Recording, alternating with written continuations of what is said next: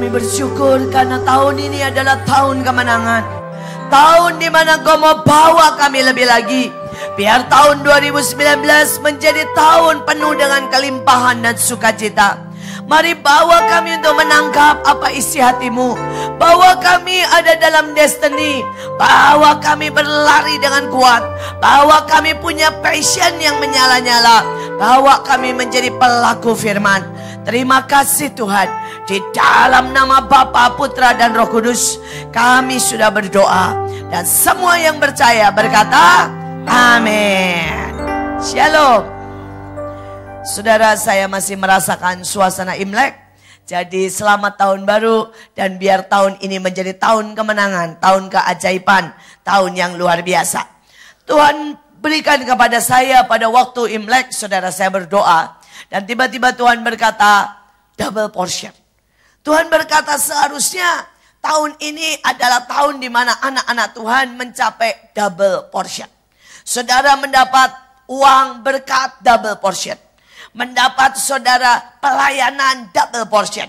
Saudara mendapat pengurapan double portion. Ada jiwa-jiwa yang penuh di tempat ini double portion. Dan kalau saudara pelajari, maka pada waktu bicara tentang double portion, saudara itulah dimulai dengan Elisa. Elisa berkata, Elia, aku mau double portion. Dan benar dia mendapat saudara. Dia membuat mujizat dua kali tepat. Lebih banyak daripada apa yang dilakukan oleh Elia. Saudara dan perjalanannya itu dimulai dari Gilgal. Saudara dan kalau saudara pelajari ada Betel, ada Yeriko, puncaknya sebenarnya sungai Yordan. Nama daripada gereja saudara dan kemudian saudara mendapat double portion. Saya berdoa supaya gereja ini sungguh-sungguh mencapai puncak dan menjadi double portion. Tapi pagi hari ini mari kita mulai dari awal sekali. Dari sebuah perjalanan yang namanya Gilgal. Apa sih yang kita harus buat kalau kita mau mencapai puncak, mencapai double portion? Mari kita akan pelajari sama-sama. Saudara yang pertama Gilgal. Saudara artinya adalah rolling together with God. Saudara atau artinya ya kalau ayah saya orang Jawa saudara gelinding way. Ya. Saudara bahasa Jawa itu ajaib sekali. Saya suka geli ya kalau lihat uh, bahasa Jawa itu benar-benar praktis. Kalau di sini banyak orang Jawa, kita akan tahu ya. Uh, kalau misalnya kita bahasa Indonesia bilang tunggu sebentar, ya kan panjang saudara. Kalau bahasa Jawanya cuma bilang se, itu artinya nanti, saudara ya. Ada banyak lagi lah saudara ya. Saudara kalau kita saudara mengenal bahasa Jawa itu benar-benar ajaib. Dan salah satunya kalau kita mau berkata bahwa kita berjalan ya atau mengikuti Tuhan atau saudara ya misalnya kita berkata kita berputar bersama Tuhan dalam bahasa Jawanya glinding way saudara. Nah saudara itulah Gilgal boleh diputar next. Saudara Gilgal itu artinya berputar, bergelinding, berjalan, rolling bersama Tuhan. Saudara dan pada waktu kita mau gelinding wae ya atau rolling jalan sama Tuhan, apa sih artinya? Seberapa kita mau mendengar Tuhan seperti lagu tadi dan mengikuti. Simple. Saudara kadang-kadang Tuhan bawa kita ke atas. Tapi kadang-kadang Tuhan bawa kita ke bawah. Tapi seberapa kita mau berkata, ya Tuhan. Tuhan jadi pusat hidup saya. Dan saya akan berputar. Saya akan bersama-sama dengan engkau. United. Saudara bersatu dengan Tuhan. Saya berdoa. Tahun ini kita memulai. Sekali lagi saudara. Menyatukan diri dengan Tuhan. Saudara Billy Graham pernah berkata begini gereja akan terus berjalan. Tetapi makin lama gereja akan dipenuhi dengan program manusia. Akan dipenuhi dengan segala macam kesibukan yang manusia pikir baik. Tetapi mereka tidak lagi menyadari bahwa itu bukan program Tuhan. Bukan kehendak Tuhan. Saya berdoa tidak ada yang terjadi seperti itu di gereja kita. Tapi sebenarnya kita harus terus berdoa dan berkata Tuhan, apa programmu, apa rencanamu, dan apa kehendakmu dalam hidupku, dalam segala hal. Saudara saya belajar seperti itu daripada waktu saya kecil sampai hari ini. Dan saya melihat bagaimana pengaturan Tuhan yang sempurna. Saya masih ingat saudara, pada waktu itu saya pulang dari Belanda. Nah, dan pada waktu saya pulang dari Belanda, saya berpikir begini, Tuhan saya mau kerja dulu. Setelah saya kerja dulu, setelah saya berhasil baru saya melayani. Dan saya sama-sama pulang bersama teman saya. Teman saya berkata, ya In benar, kita kerja dulu. Kita sukses dulu. Kita buktikan bahwa anak Tuhan itu diberkati. Kita fokus dulu. Masa kita sudah sekolah lama-lama S2, nggak kita nggak fokus ke kerjaan. Saudara dan saya ngelamar kerjaan, hari itu saudara saya diterima di tujuh tempat sekaligus.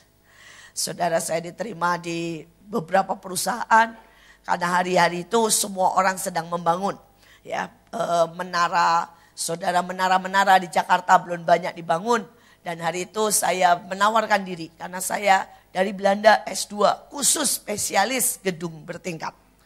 Saudara dan saya diterima di tujuh tempat saudara. Tapi malam itu saya berdoa dan saya bilang Tuhan saya besok mau pilih salah satu. Dan saya akan tanda tangan untuk kontrak kerja. Saya berkata Tuhan tolong bicara, tolong bicara. Saudara dan hari itu malam itu saya bermimpi. Saya bermimpi ada sebuah kereta yang sangat cepat. Saudara dan kereta itu cuma berhenti beberapa saat. Setiap kali berhenti orangnya teriak. Ya, siapa mau masuk segera. Karena kereta ini cuma berhenti satu menit di setiap tempat. Saudara saya ada di pinggir. Saya ada di pinggir dan tiba-tiba saya dengar suara sangat keras. Tuhan bilang, masuk sekarang dalam pelayanan. Masuk sekarang dalam kegerakan. Saking kerasnya saya bangun, saudara. Saya bangun dan saya berkata, saya nggak jadi kerja. Saya masuk sekarang dalam pelayanan. Saya masuk sekarang dalam kegerakan. Itu membuat kesal banyak orang. Karena kalau nggak kerja kenapa ngelamar saudara ya. Setelah ngelamar tiba-tiba berkata nggak jadi kerja saudara. Tapi hari itu saya nggak bisa pungkiri. Ada sebuah panggilan sangat keras. Saudara rupanya, saya tidak berkata bahwa semua orang harus full time. Tapi saya bicara tentang waktu ya, saya bicara tentang waktu Tuhan, rencana Tuhan buat setiap kita. Saudara hari itu teman saya mendengar yang sama. Hari itu teman saya mendapat mimpi yang sama. Tapi berbeda. Saudara dan teman saya uh, artinya sama walaupun agak beda dikit. Dia melihat kerumunan orang. Dan Tuhan berkata gembalakan mereka. Hari itu kami teleponan. Dan teman saya berkata begini. Ya, nantilah saya akan kerja sampai saya dapat uang cukup banyak. Sekali lagi dia berkata, itu rencana kita kan. Dan saya akan rencana, akan selesaikan rencana itu. Baru setelah itu saya mengembalakan. Hari ini saya bukan tidak kerja dan bukan tidak pakai arsitek saya. Saya mengawasi begitu banyak pembangunan di Mahanaim. Saya banyak sekali bisnis. Tetapi fokus saya, pilihan saya pertama adalah pelayanan. Ini sudah 20 tahun lebih. Dan saya ketemu teman saya. Dan dia berkata, kenapa ya In? Sekarang saya nggak bisa masuk pelayanan. Saudara teman saya ini dulu lebih diurapi dari saya. Pada waktu kami di Belanda, saudara dia ini model Benny Hinn, saudara. Kalau saudara pernah tahu Benny Hinn, yang pakai baju dilempar, ya, saudara tiup jatuh. Teman saya ini seperti ini. Saudara kalau khotbah berapi-api. Saudara dia cuma tunda pertamanya. Rencananya dia tunda sampai dia berhasil. Tapi ternyata begitu banyak. Begitu banyak halangan, begitu banyak tantangan, begitu banyak urusan. Dan sampai 20 tahun lebih. Dia tidak pernah masuk dalam pelayanan dengan sangat kuat. Bukan kami tidak selamat. Bukan teman saya tidak ke gereja. Bukan teman saya tidak jadi asyar. Tapi ada sebuah destiny. Ada sebuah planning Tuhan. Yang digeser. Saya berdoa. Kita coba lihat hari ini. Apa planning Tuhan dalam hidupmu? Saudara, apa panggilan Tuhan dalam hidupmu? Dan jangan pernah itu, saudara, digeser. Dan kita pilih planning kita. Saya bicara lagi yang lain. Pada waktu itu Tuhan buat, Tuhan suruh saya buat sekolah. Itu kurang lebih 18 tahun yang lalu. Pada waktu Tuhan suruh saya buat sekolah, saya nggak punya uang satu sen pun. Dan Tuhan bilang, lihat ruko itu jalani, doakan, tumpang tangan. Saudara saya jalanin ruko itu ruko dekat di rumah saya kecil. Saya jalanin, saya tumpang tangan. Saudara dan besok-besoknya ada orang kasih saya cek 10 juta. 5 juta. Saudara dan itu buat saya sewa ruko itu. Hari itu saya sewa ruko, saya belum punya guru, saya belum punya murid, saya belum punya kurikulum. Dan itu sudah bulan April. Tahun ajaran baru adalah Juni. Apalagi izin nggak ada, saudara. Tetapi sekali lagi saya belajar melangkah. Hari ini kami tidak ada di ruko itu. Tuhan sudah berikan sekolah. Saudara dari playgroup sampai S1. Dan jumlah murid di tempat kami di satu titik saja 4.500 itu di satu titik yang di bed kasih. Belum sekolah-sekolah lain. Karena kami punya sekolah di 10 tempat saudara. Termasuk di Doi, saudara di Kalimantan, kemudian di Enarotali dan sebagainya. Seandainya hari itu saya berkata Tuhan, saya nggak punya uang. Seandainya hari itu saya berkata, saya nggak punya guru, saya nggak punya kurikulum. Dan menurut hitungan manusia, tidak mungkin membuat sekolah dalam waktu tiga bulan. Maka mungkin hari ini sekolah saya belum pernah jadi. Pada waktu kami mulai buat kurikulum, Tuhan bilang begini. Ini kurikulum 40% karakter. 60% pelajaran. Kemudian Tuhan bilang 80% subsidi. 20% bayar normal. Sekali lagi. Saya ketemu dengan semua donatur, semua para orang-orang pintar, pendahulu saya di sekolah. Dan mereka semua bilang itu tidak akan jalan. Sekolah itu akan bangkrut. Sekolah itu akan ditolak. Sekolah itu tidak akan diminati orang. Belum lagi Tuhan bilang begini, campur antara orang kaya dengan orang miskin. Semua yang lain berkata tidak mungkin bisa. Sekolah orang miskin, biar buat orang miskin. Sekolah orang kaya, biar buat orang kaya. Saya bilang campur. Karena Tuhan bilang. Yang orang kaya Beberapa teman yang punya sekolah orang kaya berkata, tidak akan mau orang kaya dicampur orang miskin. Saudara yang orang yang punya sekolah orang miskin berkata, tidak akan mau orang miskin masuk sekolah orang kaya. Pasti minder. Saya bilang, Tuhan mau. Dan saya ikut aja. Hari ini sekolah kami adalah sekolah yang paling dicari, saudara. Di kota kami. Saudara termasuk tiga yang terbesar di seluruh pet kasih. Saudara kami dapat penghargaan dari sekolah dari pemerintah di mana kami boleh menentukan kurikulum saudara, satu kota. Kenapa? Karena menurut data mereka, kami paling berhasil mendidik anak-anak orang kaya maupun anak-anak orang miskin. Setiap tahun kami menolak lebih dari 100 anak. Karena tempat yang tidak memungkinkan, saudara.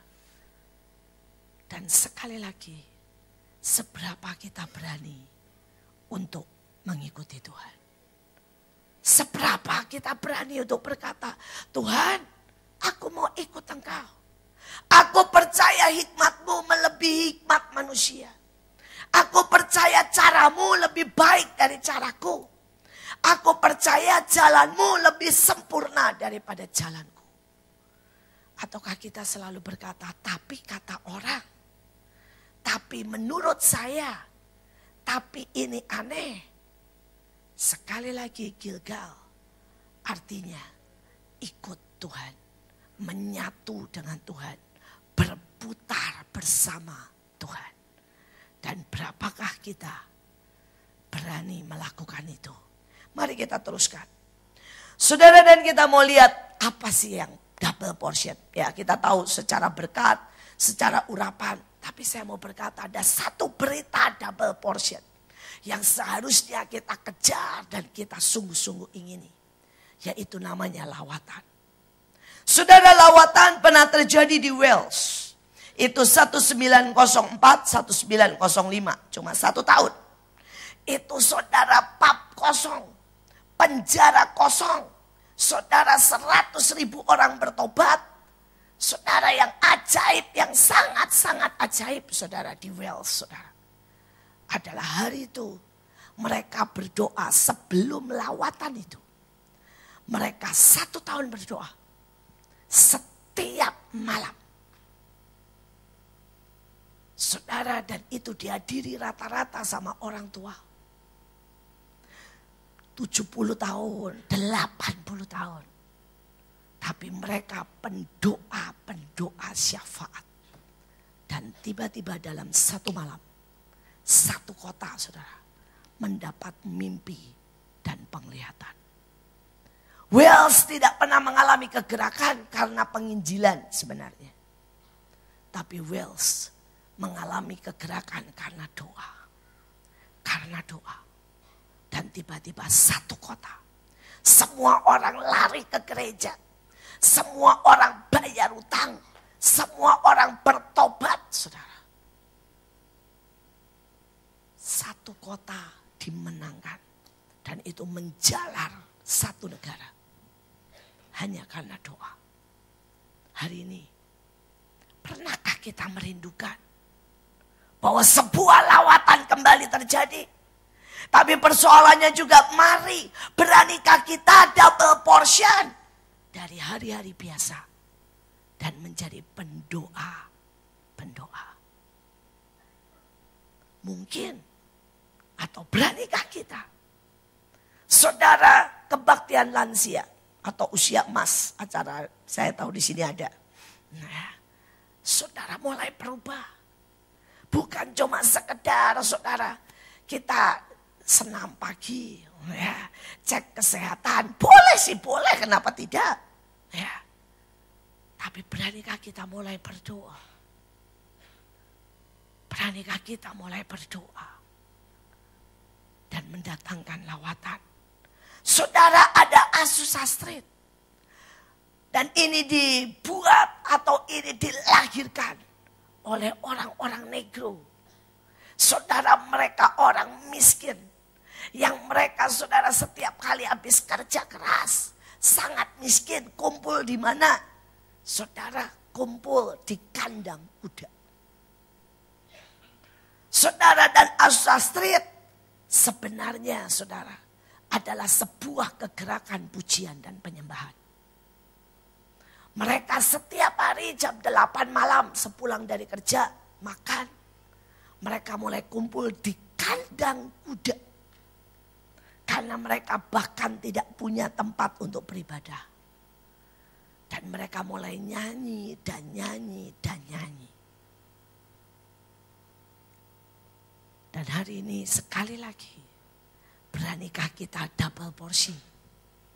Cara kita menyembah. Cara kita berdoa.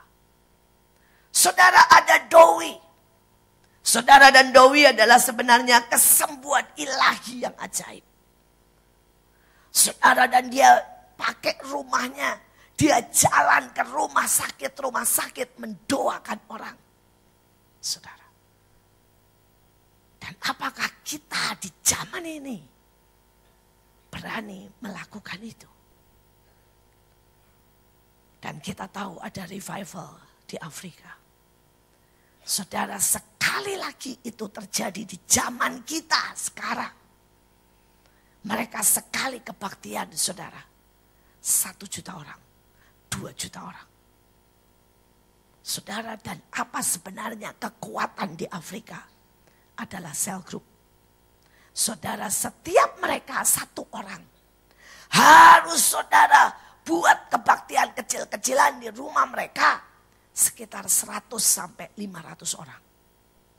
Dan itu yang akan mereka bawa ke gereja dan itulah yang membuat setiap kebaktian itu mencapai satu juta. Karena satu orang memuridkan saudara. 500 orang. Satu orang. Saya mau berkata sering kali ada banyak orang sudah mulai berkata Tuhan, saya baik-baik saja. Saya diberkati, saya kerja, ya saya melayani, saya punya anak. Tapi bolehkah kita mulai berkata Tuhan, aku mau double portion dalam melayani. Aku mau double portion dalam berfungsi, menghasilkan, memuridkan bagi Tuhan. Saya sedang mau membangunkan para ibu, para bapak. Saudara, saya saya sadar saya juga di usia saudara ya. Di usia 50 ke atas. Dan kadang-kadang itu kita merasa bahwa kita waktunya mulai slow down. Saya berkata jangan sampai itu waktunya kita gaspol buat Tuhan. Saya berdoa saudara mendengar saya. Pada waktu kita sudah sampai umur usia saya pertengahan Mari kita gaspol buat Tuhan. Amin. Buat saya sendiri, saya merasa waktunya lah saya gaspol. Saya punya dua anak. Anak saya dua-duanya sudah S2 dan S3. Saudara dua-duanya sudah kerja. Dua-duanya sudah pelayanan. Saudara dua-duanya, saudara ya, sudah hampir menikah. Hampir, saudara. Belum. Saudara dan suami saya dan saya suka ketawa-ketawa kami di rumah berkata begini, yang kita sekarang harusnya udah nggak usah kerja ya, anak-anak udah kerja, ya udah enak toh ya. Dan suami saya bilang sama saya, kalau saya pensiun gimana? Saya bilang, no no no no no, ya, nggak ada pensiun. Kita akan gaspol buat Tuhan. Kita akan lari habis-habisan. Kita akan kerja. Kita akan melayani. Karena waktunya. Karena kita sekarang sudah nggak ada apa-apa, saudara. Ya, anak-anak dua-dua sudah sudah melalang buana, saudara. Mencari waktu makan bersama aja susah. Setiap kali nanya papanya, kamu di mana? Hari ini yang satu di Manado, saudara ya. Yang satu saudara ada pelayanan juga. Saudara dan papanya bilang, eh kapan kita mau pergi bareng? Anaknya bilang nanti aja lah Pak Juni. Yang satu bilang nanti aja lah September. Ya nanti aja lah masih sibuk nih. Ya sibuk mau cari ini, mau cari itu. Dan saya bilang waktunya. Jangan jangan ini waktunya teriak-teriak sama anak bilang, yuk kumpul. Tapi pada waktu Tuhan sudah beri semua buat hidup kita. Ini waktunya kita beri semua buat Tuhan. Saya sangat-sangat rindu mengajak gereja di tempat ini. Terutama Bapak, Ibu, teman-teman seumur. Mari kita mulai gaspol buat Tuhan. Karena saya tahu hati Tuhan menunggu kita. Dia sudah memberkati kita sangat lama. Tapi yang ajaib adalah sebuah nubuatan. Saudara nubuatan itu berkata dari pada tahun 1913 Maria Ether penubuat bahwa yang kita alami bahkan belum mendekati kepenuhan dan hujan awal. Dan jika hujan akhir datang, itu akan jauh melebihi dari segala lawatan yang pernah kita lihat. Dan itu akan terjadi 100 tahun lagi. Dan kalau 100 tahun dari 1913 kurang lebih ada di masa kita. Betul? Ada di masa kita. Saudara kita teruskan. Saudara ada nubuat lain, saudara. Saudara dan nubuat-nubuat itu ada dari Parham. Saudara mereka juga berkata, saudara, sama. Bahwa seratus tahun lagi akan ada sebuah lawatan yang terbesar. Dan hari ini saya mau berkata, persoalannya, apakah kita mau ada Apakah kita mau menaikkan? Kita tidak cuma minta jatah berkat double porsi. Tapi maukah kita menaikkan jam doa kita double porsi? Apakah kita mau menaikkan jam pujian kita double porsi? Apakah kita mau menaikkan saudara jam saudara kita menginjil dan mendoakan orang lain double porsi?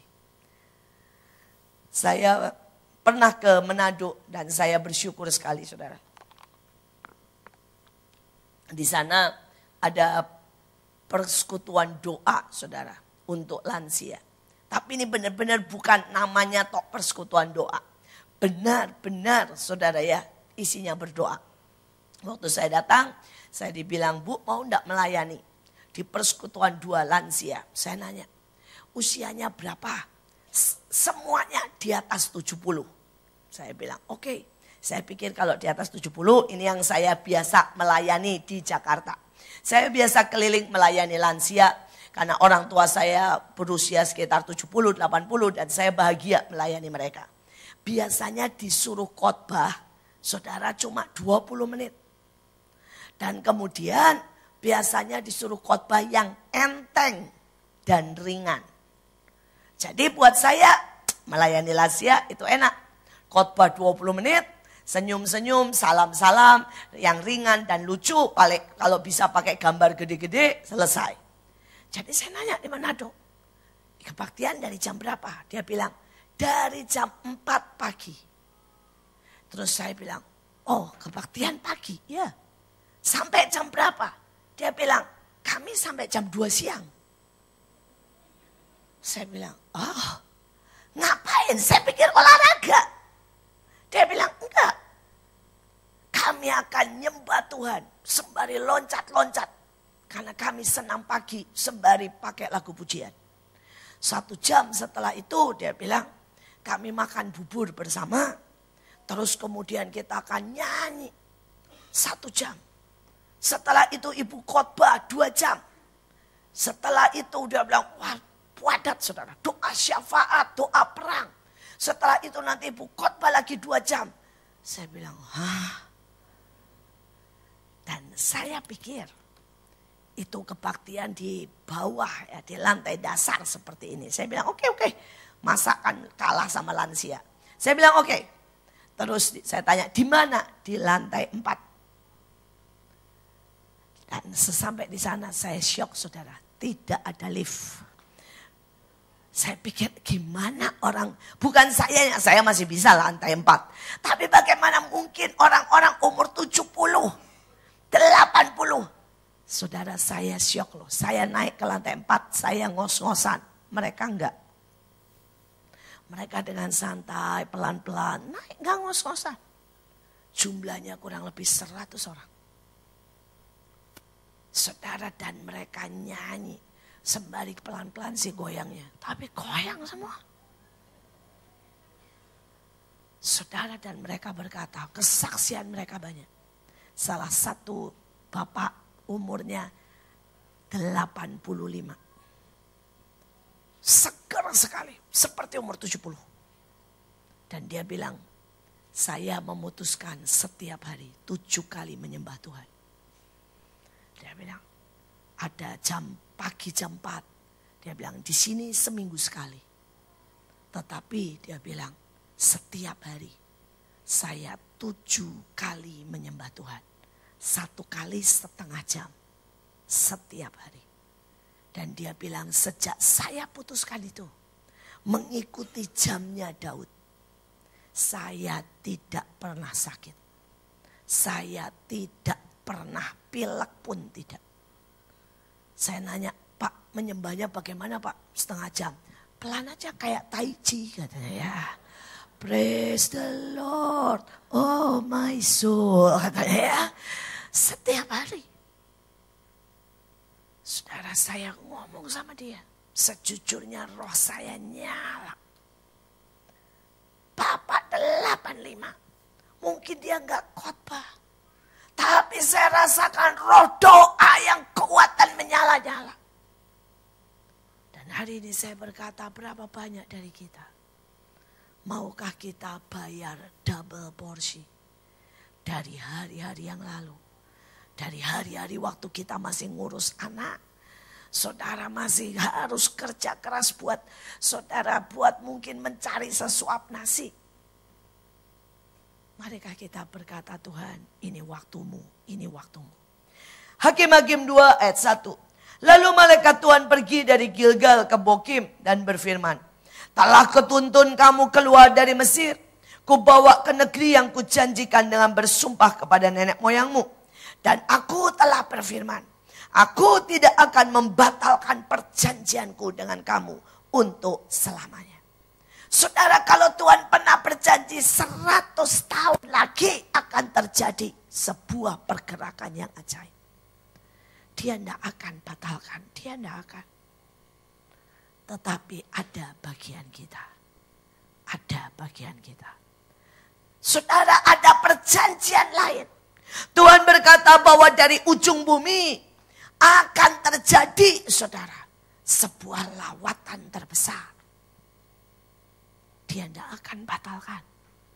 Tapi namanya perjanjian. Selalu ada bagian kita. Dan hari ini, apakah kita mau ada dalam perjanjian Tuhan? Dan kita mau lakukan bagian kita. Ada janji lain Tuhan akan memberkati kita. Bukankah itu janji buat kita semua? Tapi sekali lagi dia tidak akan batalkan. Tapi ada bagian kita. Saudara dia janji dengan panjang umur dan dengan kesehatan aku mengenyangkan engkau. Ada loh ayatnya, betul kan? Tapi ada bagian kita. Saudara dan opa tadi berkata, Bu, sejak saya ambil bagian saya, seperti Daud berkata tujuh kali dalam sehari, aku menyembah Tuhan, dia genapi. Saya enggak pernah sakit pilek pun tidak. Saudara ada satu lagi oma, usianya 91 tahun. Saudara dia berkata, saya ikut Daniel. Saya bilang, Oma bagaimana Daniel? Tiga kali dalam sehari saya berdoa syafaat. Dan dia bilang kalau Senin saya ada di sini. Dia itu acaranya di Senin saudara. Setiap Senin ada doa lansia. Tapi dia bilang di rumah tiga kali dalam sehari. Saya menghadap Tuhan, saya mendoakan segala sesuatu. Dan Oma ini dengan santai naik ke atas ke lantai empat. Saudara, dan dia bilang, hidup saya sangat diberkati. Sangat sehat. Dan dia berkata, banyak orang di usia tua kesepian. Banyak orang di usia tua merasa anak-anaknya meninggalkan. Dia bilang banyak orang tua di usia tua dia bilang tidak punya apa-apa. Saya makin hari makin kaya. Saya bilang bagaimana Uma? Dia bilang karena Tuhan bawa saya setiap kali mendoakan orang. Setiap kali saya mendoakan orang sembuh. Saya diberkati. Dan mereka selalu mengirimi saya makanan, mengirimi saya buah, mengirimi saya baju, tas. Sampai dia bilang, masa oma seumur ini ya tasnya merek-merek buat apa ya katanya. Tapi dia berkata sejak saya berdoa tiga kali. Dan dia bilang orang itu datang ke rumahnya. Sampai dia kadang-kadang berkata, orang lain kesepian, saya selalu rame.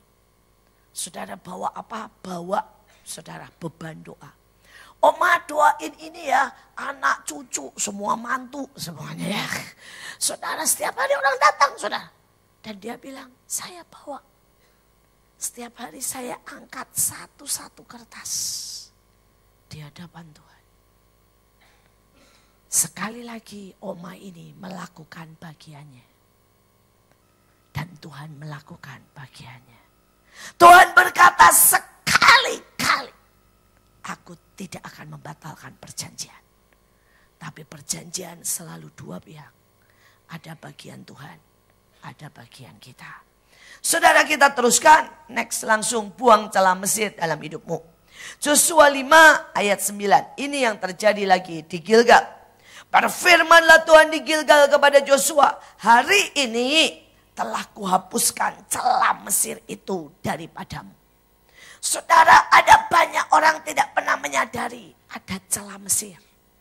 Apa sih celah Mesir? Kedagingan kita apa sih celah Mesir? Tegar tengkuk, tidak taat, berontak, mencobai Tuhan, mengeluh, bersungut-sungut. Dan Tuhan sampai ujungnya tidak kuat. Dan Tuhan berkata, sudahlah biarin semua mati aja di padang gurun. Kecuali Kaleb dan Joshua dan anak-anak mereka. Tapi kalau kita mau jujur, berapa banyak kita lakukan apa yang menjadi celah Mesir. Berapa banyak kita masih bersungut-sungut. Saudara hari-hari ini saya sedang melihat banyak orang itu sangat-sangat negatif. Dan negatif itu menghancurkan banyak hal. Saudara hari itu ada seseorang mau bantu saya kerja. Saudara dan dia sih semangat, semangat sih. Tapi saya hari itu sedang ada conference, kerjaan saya banyak. Saya hari-hari itu dalam tiga hari saya khotbah sembilan kali saudara. Karena saudara, dan itu harus pindah dari satu kelas ke kelas lain, dari satu titik ke titik lain. Karena konferensinya di satu kota. Saudara, dan dia nanya terus. Dia maksudnya baik, maksudnya baik. Dia nanya gini, Bu saya di mana? Bu rotinya yang mana yang saya bagiin? Dia nanya terus saudara ya. Dan dia itu nanya, saudara maksudnya mau menolong. Saya kerjain apa? Saya doakan apa? Nanya terus. Akhirnya di puncak saya, saudara ya kalut. Saya berkata begini, bisa nggak ya kamu nggak ganggu saya? Karena kamu merepotkan saya. Dia udah saya kasih orang, saudara ya. Saya bilang gini, ini ada orang volunteer mau mau bantuin. Tapi dia nggak pernah mau tanya ke orang itu. Harus tanya Bu Iin. Kalau nggak tanya Bu Iin nggak mantep, saudara ya. Kalau sama orang nggak mantep katanya. Saudara karena saya kesel, capek dan lagi banyak urusan saya bentaklah saudara. Saya berkata gini, bisa enggak ya kamu tidak merepotkan saya? Dan bisa enggak ya? Jangan ganggu saya karena saya mau fokus khotbah. Saudara, dan dia sakit hati. Dan dia berkata hamba Tuhan, ya uh, tidak mengerti hatinya, menyakiti bla bla bla, dan dia merasa dia tidak berguna, saudara. Dan kemudian dia hampir meninggalkan Tuhan. Sampai saya bilang gini, matang deh saya. Ya, kalau sampai gara-gara saya orang meninggalkan Tuhan kan masalah, saudara. Akhirnya saya datangin, saya baikin, saya minta maaf lah. Tapi saya mau berkata, bayangkan ya. Hanya karena satu kali omongan orang. Dia bisa menjadi begitu pahit. Tertolak. Dan orang ini bukan anak muda. Usia 50 tahun. Ini celah Mesir. Sangat banyak orang sama suami ribut untuk alasan yang kecil. Pemarah. Saudara usia boleh tambah. Di dalam ini masih nggak pernah dewasa. Saya ketemu orang, saya layani. Seorang ibu punya anak tiga, istri dokter. Saudara. Kalau nggak diturutin maunya, barang di rumah dilempar. Saudara. Sampai saya berkata Tuhan, mengerikan. Mengerikan. Saya punya kenalan satu orang kaya raya. Wah saudara satu lemari, saudara lemarinya dari situ sampai sini. Itu semua bisa ditarik saudara, isinya semua tas mahal. Hermes, Chanel, apalah. Kalau kayak coach itu buat dia memalukan. Pakai coach, pakai Michael Kors itu memalukan saudara. Karena punya dia semua yang di atas saudara. Merek top lah. Tapi saudara.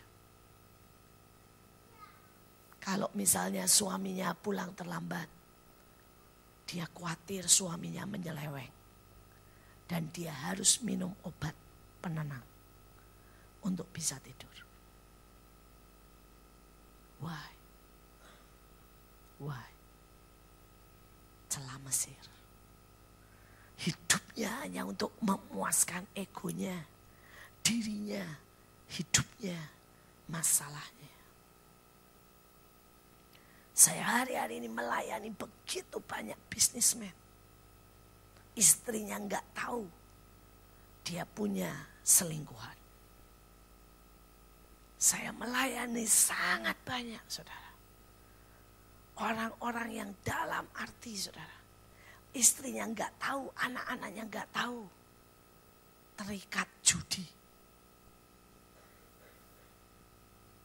Dan sekali lagi, apakah kita mau menghadapi celah Mesir ini? Dan membiarkan saudara Tuhan mengoreksi, memotong semua celah Mesir dari hidup kita. Ataukah kita membiarkan celah Mesir itu diam-diam menggerogoti hidup kita. Mungkin ada yang pemarah, mungkin ada yang tersinggungan, mungkin ada yang sudah jauh dari Tuhan, mungkin ada yang hobinya cuma ngumpulin tas merek. Saya kalau ke tempat dia selalu ngomongnya, saya terang-terangan saudara, saya ngomong begini ya, satu tuh tas Hermesmu bisa kasih makan 10 ribu anak pemulung saya. Loh itu benar saudara. Itu benar. Dan dia selalu bilang gitu, kenapa sih In lu selalu ngomong begitu? Saya ngomong gini, saya, saya kalau sama dia udah terang-terangan lah. Saya ini penginjil galak saudara ya. Tapi heran mereka mereka tetap suka. Saudara ya saya ngomongnya begini, jangan salahin saya ya. Kalau kamu nggak diangkat, kalau terompet itu bunyi. Gara-gara tasmu tuh, gue bilang. Saya bukan anti tas, saya ini hobi tas sebenarnya saudara. Saya ini aslinya saya ini penggemar semua tas. Saya penggemar semua sandal bagus. Saya penggemar saudara ya, uh, semua aneka warna saudara. Tapi saya belajar memotong. Saya belajar no no no no. Ya, kalau ke mall saya selalu bilang begini Iin, nggak ada yang kamu perlu. Memang benar nggak ada yang perlu. Tas banyak, sandal banyak, saudara ya. Karena kalau ke mall, ya saya, saya nggak tahu dengan saudara. Kalau nggak belanja tuh gatel gitu lah saudara. Itu kalau saya saudara ya. Tapi saya harus memaksa, harus memotong celah Mesir itu. Saya berkata, Iin enggak, kamu nggak perlu apa-apa kok. Saya punya semua di rumah. Gak ada alasan saya beli sandal. Orang sandal saya dari yang satu senti sampai yang sepuluh senti ada kok di rumah. Tapi kalau di mall masih kelihatan sandal masih ini. Eh, ini bagus juga ya. Gitu ya. Selalu saudara. Tapi saya harus ingatkan diri saya. Tapi saya mau berkata buat segalanya. Seberapa kita mulai mengoreksi dan berkata Tuhan. Tuhan Ya. Bagaimana dengan kemarahan kita, dengan kesombongan kita, dengan kemalasan kita. Saya berdoa kita menghapus celah Mesir dalam hidup kita. Saudara kita teruskan. Saudara kita lihat saya istilah saya cincanglah agak atau jatuh seperti Saul. 1 Samuel 15 ayat 12, 19 dan sebagainya. Saudara tahulah ceritanya. Hari itu Tuhan bilang sama Saul, Saul bunuh orang Amalek. Dan bunuh semuanya. Termasuk hewannya, termasuk semuanya. Tapi Saul punya cara berpikir yang berbeda. Dan dia berpikir saudara, alangkah baiknya. Kalau dia sisahkan hewan-hewan yang gemuk-gemuk dan bagus. Dan dia sisahkan juga agak. Dan hari itu Samuel marah. Dan Samuel bilang ambil pedang. Dan dia cincang saudara. Alkitab pakai kata mengerikan saudara. Cincang agak. Saudara kata agak itu artinya kesombongan. Yang kedua kata agak itu artinya sesuatu yang seperti api dan memusnahkan kita. Ada banyak hal yang kita lihat itu kecil. Dan kita tidak pernah mau mencincang membereskannya. Tapi itu kemudian bisa membinasakan kita. Ada banyak kesombongan. Nah, saudara sering kali kita berkata, oh kita nggak sombong. Tapi saudara begitu di pelayanan nggak cocok, udah langsung bilang keluar. Kalau dibilangnya sibuk, padahal enggak. Cuma karena suara kita enggak didengar. Karena kita enggak cocok. Ini sebuah kesombongan, saudara. Ini sebuah kesombongan. Dan hari ini, marikah bisakah kita berkata Tuhan, seberapa hidup kita berani untuk memotong agak memotong celah Mesir di dalam hidup kita. Terakhir saudara. Dua Raja-Raja 2 ayat 1 sampai 9. Mari kita contoh Elisa yang merindukan double portion. Menjelang saatnya Tuhan tidak menaikkan Elia ke surga dalam angin badai.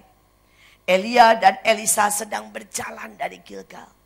Berkatalah Elia kepada Elisa, mintalah apa yang hendak kulakukan kepadamu sebelum aku terangkat daripadamu.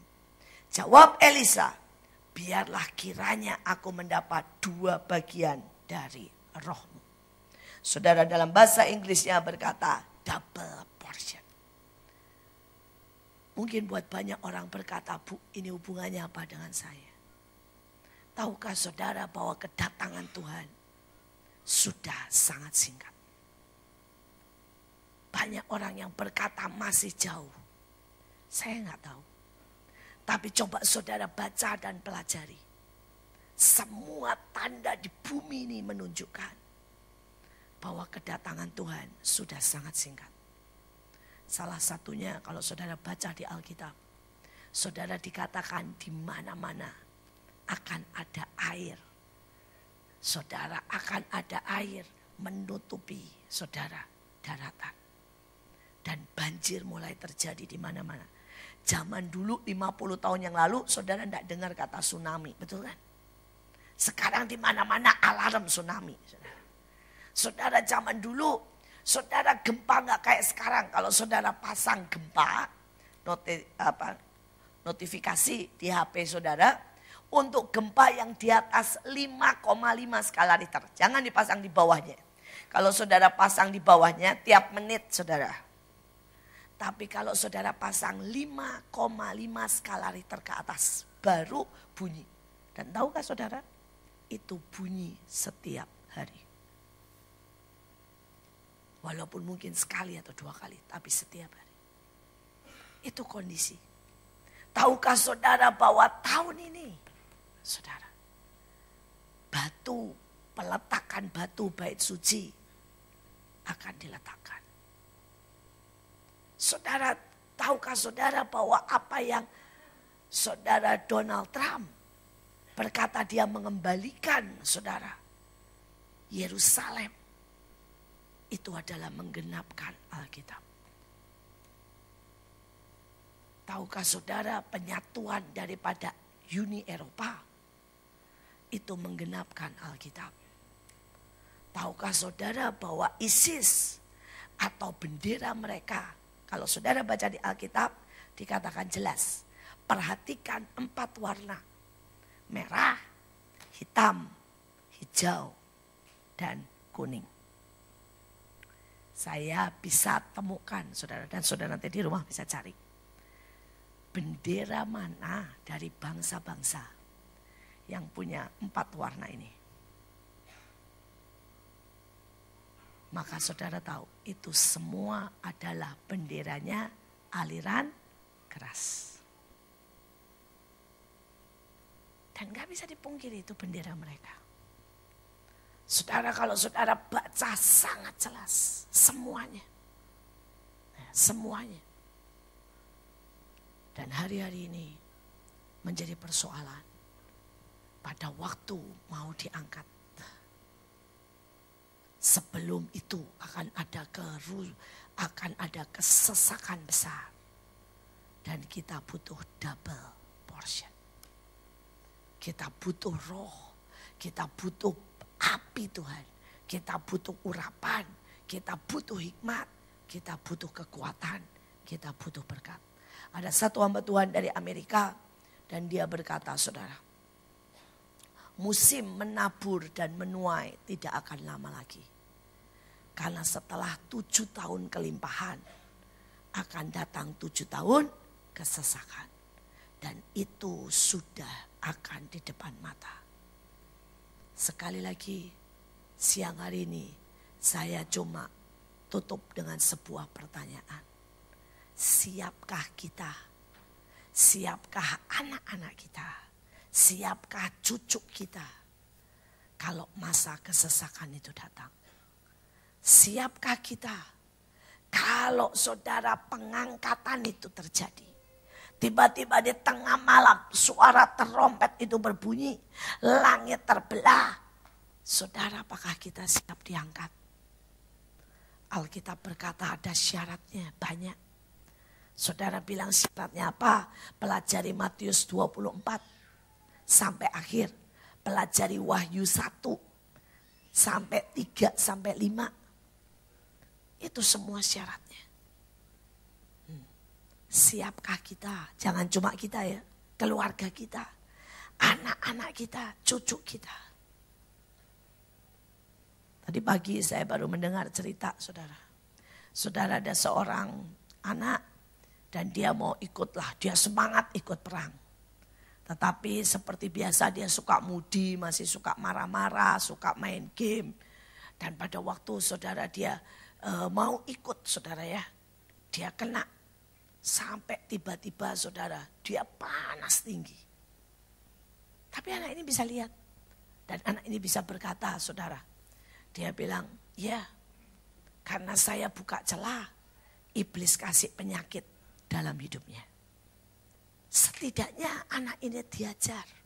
Dan Tuhan mengajar dia. Kalau saudara buka Youtube akan makin banyak. Bayangkan ada anak umur tiga tahun, saudara. Setiap hari sama mamanya diajak doa, diajak nyembah. Sekali waktu, saudara, tiba-tiba pada waktu mereka sedang berdoa bersama keluarga, saudara anak umur tiga tahun, dan ini tiba-tiba berdiri. Dan kemudian membungkuk begini. Mamanya bilang, kamu ngapain? Anaknya bilang, mama nggak tahu ada Yesus. Mamanya bilang, Mama nggak tahu, tapi anaknya bilang berlutut mah, berlutut. Saudara bayangkan anak ini umur tiga tahun bisa lihat, mamanya nggak lihat. Akhirnya saudara mama sama papanya berlutut, anaknya berdiri dan ini. Terus kemudian dia bilang sama mamanya, Tuhan udah pergi. Tuhan cuma bilang, aku segera datang. Kamu harus sangat serius. Saudara, anak umur tiga tahun Tuhan kasih penglihatan. Kenapa? Karena Tuhan mau kita semua siap. Dari yang dewasa sampai yang anak-anak. Jangan pernah berkata, oh anak kecil. Enggak apa-apa. Ya. Oh anak kecil. Tuhan enggak akan tega. Kalau anak kecil aja dan dia tanya, oh, mamanya tanya, mamanya nggak pernah ajarin dia sekalipun berlutut begini, menyembah begitu. Sampai mamanya bilang, kenapa? Anaknya bilang, malaikat ajari aku. Kalau Tuhan datang nggak boleh duduk, nggak boleh main. Kalau Tuhan datang, aku harus kasih hormat. Kalau anak umur tiga tahun saja, diajar Tuhan memberi hormat. Bagaimana sikap kita? Bagaimana cara kita? Saya berdoa, ini hari-hari sangat cepat akan berlalu. Siapkah kita? Siapkah kita? Mari kita berdoa. Kami bersyukur buat siang hari ini. Sekali lagi hamba berdoa biar tempat ini menjadi sungai Yordan dalam arti yang sesungguhnya. Mereka mencapai puncak kemuliaan. Mereka melihat engkau. Mereka mengalami double porsi. Mereka boleh dibaptis dan kemudian lahir menjadi gereja yang baru, gereja yang berkemenangan, gereja yang membawa kemuliaan. Tuhan mau berdoa untuk hidup mereka, hidup kami semua, baik pelayanan, baik perusahaan, baik keluarga, kesehatan. Engkau menyediakan double porsi. Dan buat kami Tuhan, buat kami sungguh-sungguh menangkapnya. Sungguh-sungguh melakukan bagian kami dan engkau akan memberikan yang terbaik buat kami. Di dalam nama Yesus kami berdoa. Biar udara di tempat ini, atmosfer di tempat ini. Tuhan hamba berdoa sekali lagi. Di dalam nama Yesus kami koyakkan langit di atas. Tidak ada kuasa kegelapan yang boleh menguasai tempat ini. Tidak ada roh kesuaman tidak ada roh Tuhan yang membuat kami takut untuk bersaksi. Tapi ada roh yang menyala-nyala yang daripadamu. Mari beracaralah Tuhan. Karena gereja ini milikmu. Dalam nama Yesus kami berdoa. Semua yang percaya berkata, amin. Puji nama Tuhan. Baik, sebentar kita akan uh, ada penyerahan anak.